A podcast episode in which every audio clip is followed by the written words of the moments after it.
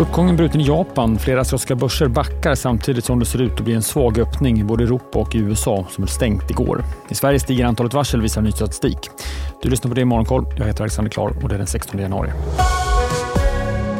Asiatiska marknaden retirerar under morgonen. Framförallt backar Hongkongbörsen drygt 2% men börsen i Fastlandskina tappar. I ett försök att stabilisera marknaden har kinesiska myndigheter de senaste dagarna uppmanat vissa institutionella investerare att inte sälja aktier, rapporterar Financial Times. Liknande uppgifter har kommit flera gånger sedan i höstas och kinesiska ledningen har även återinfört vissa restriktioner för stora institutionella investerare.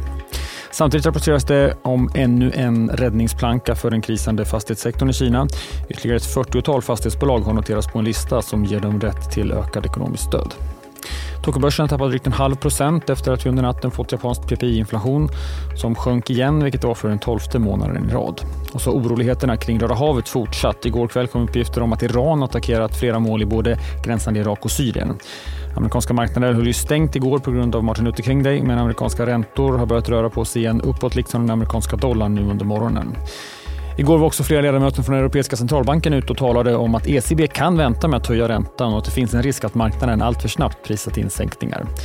ECB-ledamoten Robert Holtzman gick allra längst i sina uttalanden och sa att det kanske inte blir aktuellt med att sänka någon gång under 2024. Detta bland annat på grund av nya utbudsstörningar som kan driva upp priserna. Och vi kan notera att fraktpriserna till havs fortsätter uppåt.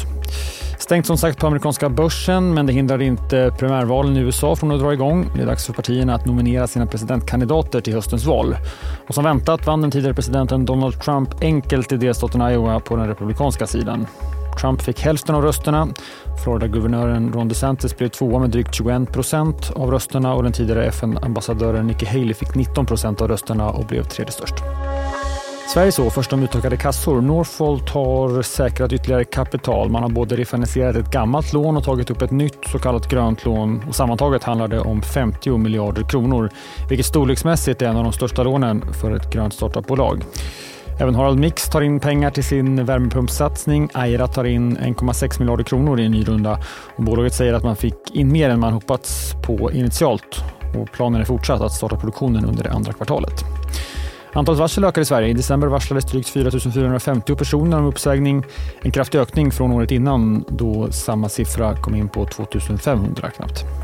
I slutet av förra månaden var 350 000 eller 6,7 procent av arbetskraften inskrivna som arbetslösa.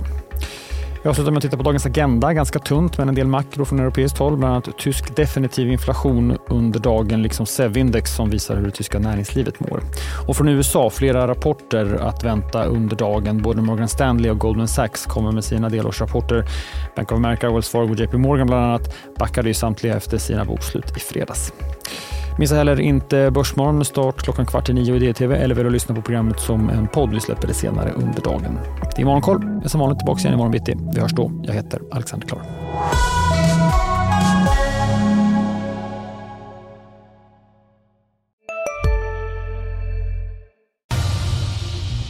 Expressen gör varje vecka podden Politikrummet där vi djupdyker i det senaste och viktigaste inom svensk politik. Med mig, Filippa Rogvall, som programledare tillsammans med mina vassa kollegor. Och det är ju ni som heter Thomas Nordenskjöld, Anette Holmqvist och Viktor Bartkron. Politikrummet kommer med ett nytt avsnitt varje tisdag. Vi hörs. Hej, Ulf Kristersson här. På många sätt är det en mörk tid vi lever i. Men nu tar vi ett stort steg för att göra Sverige till en tryggare och säkrare plats. Sverige är nu medlem i Nato. En för alla, alla för en.